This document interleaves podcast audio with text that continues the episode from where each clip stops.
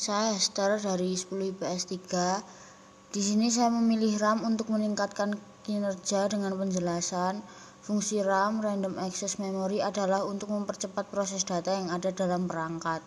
Kapasitas RAM di setiap gadget juga berbeda-beda sesuai dengan fitur yang ditawarkan oleh brand tersebut. Namun kapasitas RAM sangat mempengaruhi tingkat kecepatan proses data dalam perangkat tersebut. Tak hanya itu, RAM juga berfungsi sebagai media penyimpanan, sementara saat gadget dalam posisi beroperasi atau hidup. Misalnya saat kalian mengetik dokumen di Microsoft Word, lalu ditutup tanpa menyimpan terlebih dahulu, maka dokumen tersebut akan tersimpan di dalam memori RAM, sehingga kalian masih bisa membuka dokumen tadi melalui histori terakhir dari Microsoft Word.